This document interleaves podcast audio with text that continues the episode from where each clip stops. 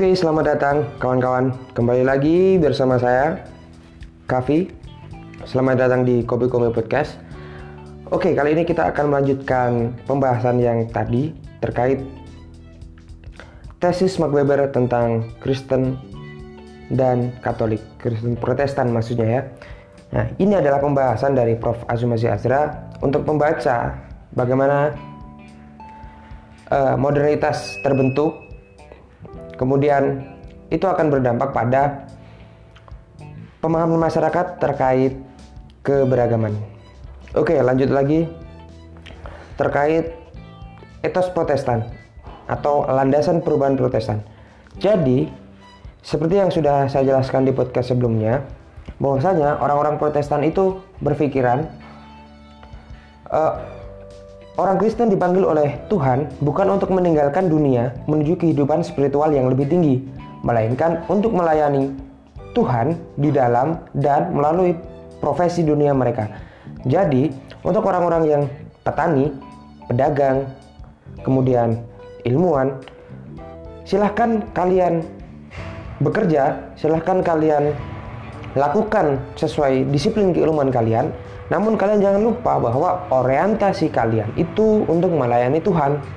Sehingga kalian harus menerapkan prinsip-prinsip kejujuran, kerelaan berkorban, kesederhanaan yang mana menurut Weber itu dikemas dalam konsep perilaku hidup asketisme.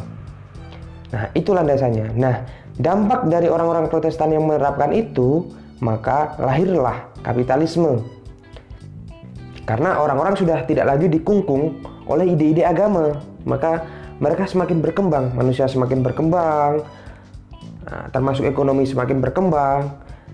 Seiring dengan perkembangan ekonomi, maka lahirlah teknologi. Maka itu disebut modernitas. Menurut kacamata Max Weber. Nah, dalam struktur sosial, bekerja bukan lagi untuk melayani biarawan, melayani raja gitu. Tapi bekerja itu merupakan panggilan mulia dari Tuhan gitu. Kemudian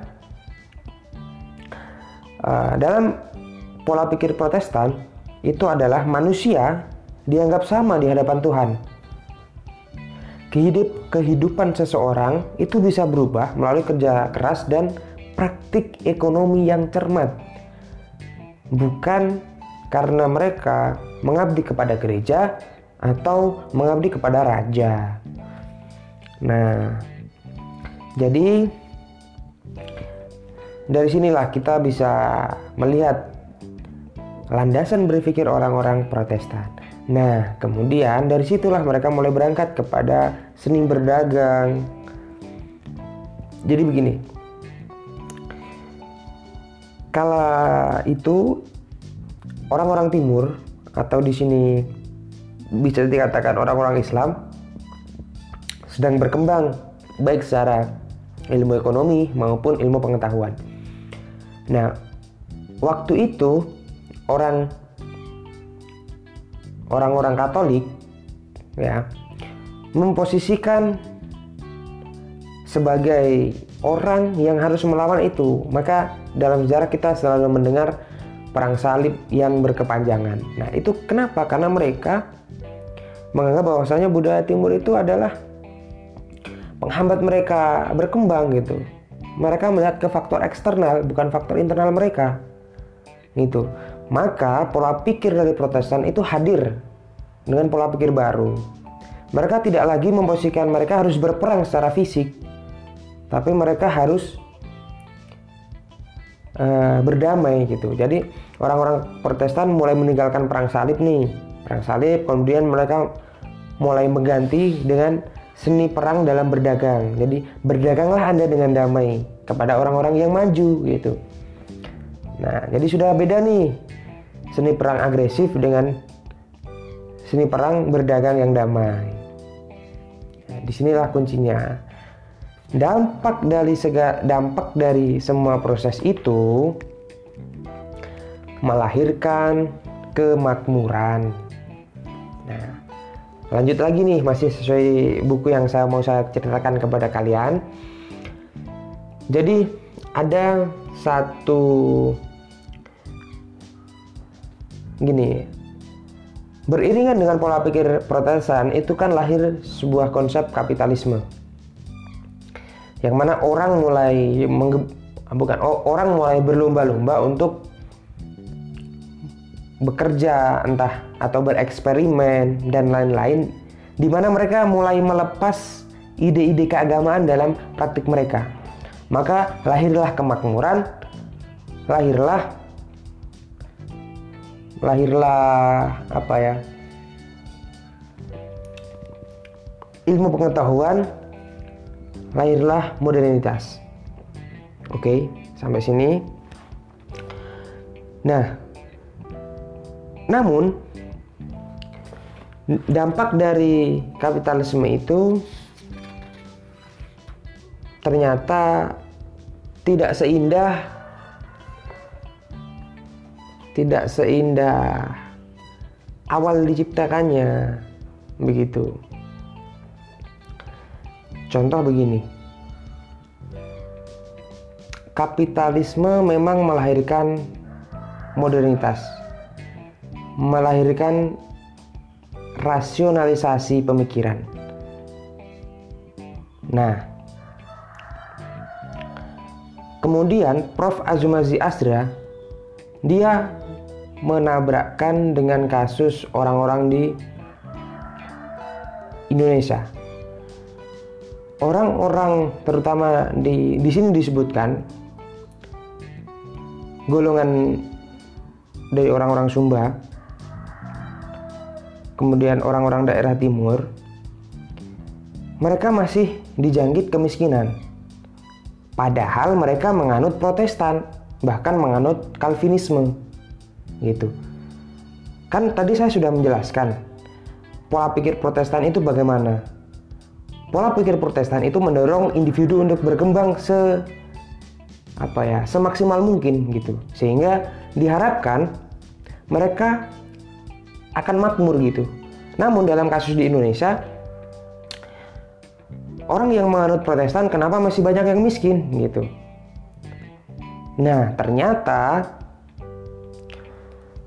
menurut Prof. Azumazi Azra dalam analisisnya teori kapitalis ini atau atau pola pikir Protestan yang dianut oleh masyarakat-masyarakat di Indonesia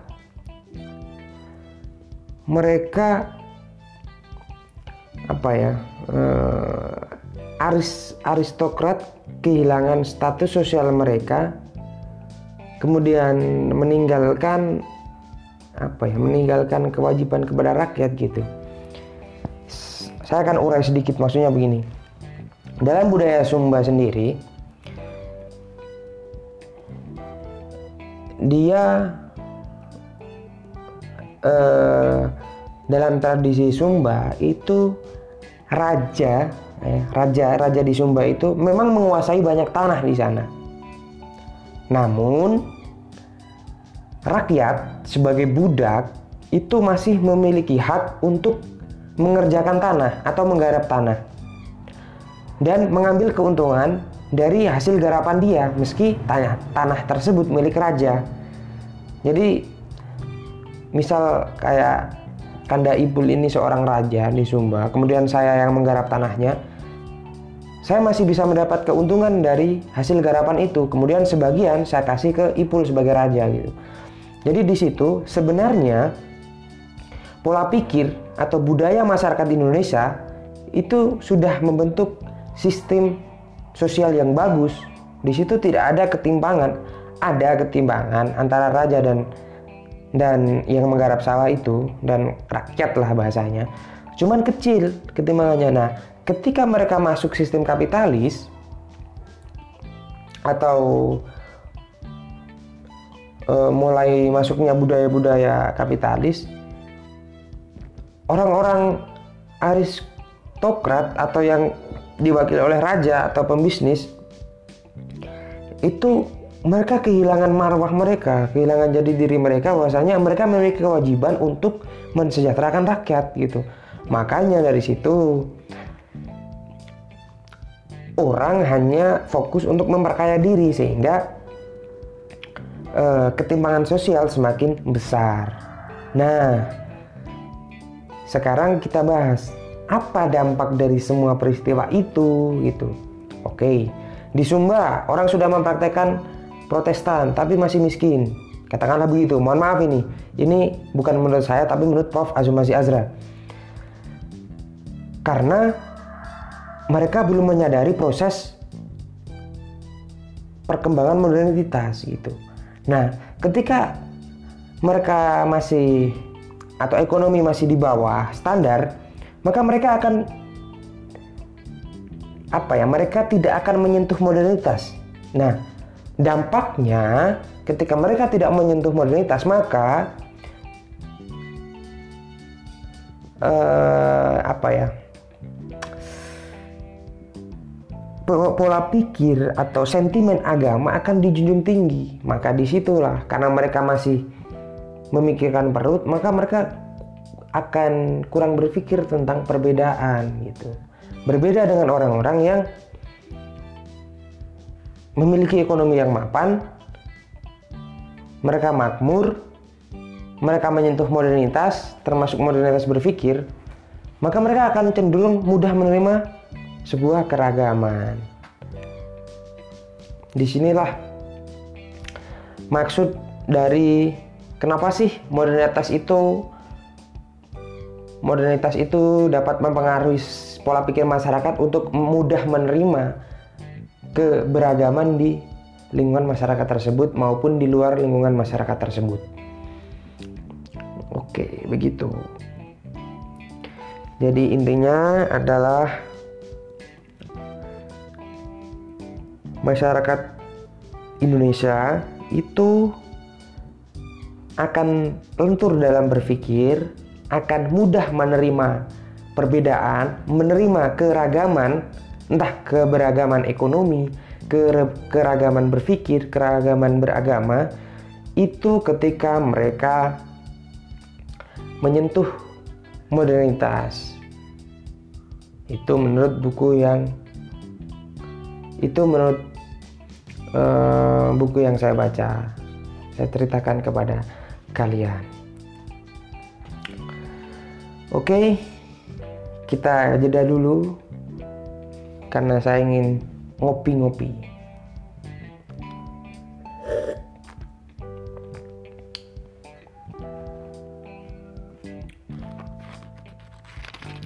Nyalakan rokok dulu ya kawan-kawan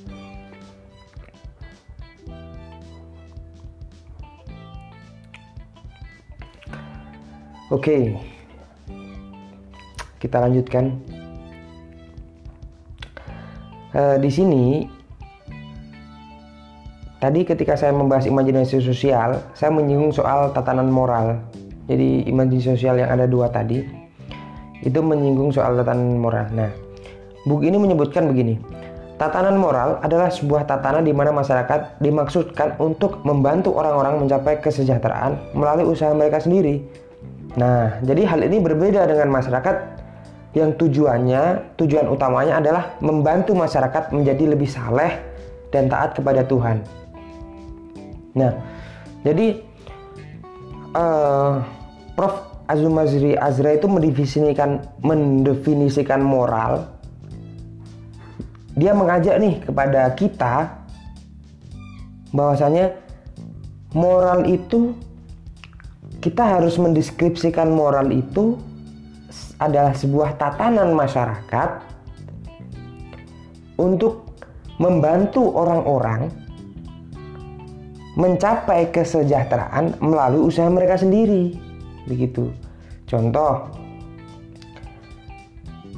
ketika saya seorang pengusaha, saya dinilai bermoral ketika saya membantu petani untuk mengembangkan pertanian mereka agar mereka sejahtera dengan cara memberi eh, benih, memberi bantuan apa atau kita menjalankan kerjasama. Itulah disebut mas orang yang bermoral gitu. Jadi orang bermoral itu untuk konteks Indonesia ya, jangan dianggap ketika mereka apa ya ini men, bukan menurut saya ya. Jadi disebut bermoral itu bukan ketika mereka saleh sosial maksudnya saleh oh maaf saya ralat bukan ketika mereka taat kepada perintah agama begitu ya. Karena ketika definisi mereka bermoral bermoral atau mereka baik ketika mereka taat kepada Tuhan mereka dalam pengertian hidup untuk menyepi begitu itu akan membuat masyarakat tidak berkembang gitu. Ketika masyarakat tidak berkembang masyarakat tidak tidak akan menyentuh modernitas. Ketika masyarakat tidak menyentuh modernitas masyarakat akan sulit menerima perbedaan. Nah begitu menurut pandangan Prof. Azmi Yahya menggambarkan kondisi masyarakat Indonesia dengan tesisnya Mark Weber sebenarnya cukup sampai sekian untuk part 2 Jangan lupa dengarkan terus podcast-podcast kami. Dan jika kalian ingin podcast bareng kami, silahkan DM di IG HMI Kemudian atau langsung kontak saya langsung melalui IG saya kafi.18. Kita podcast bareng, dialog bareng. Terima kasih.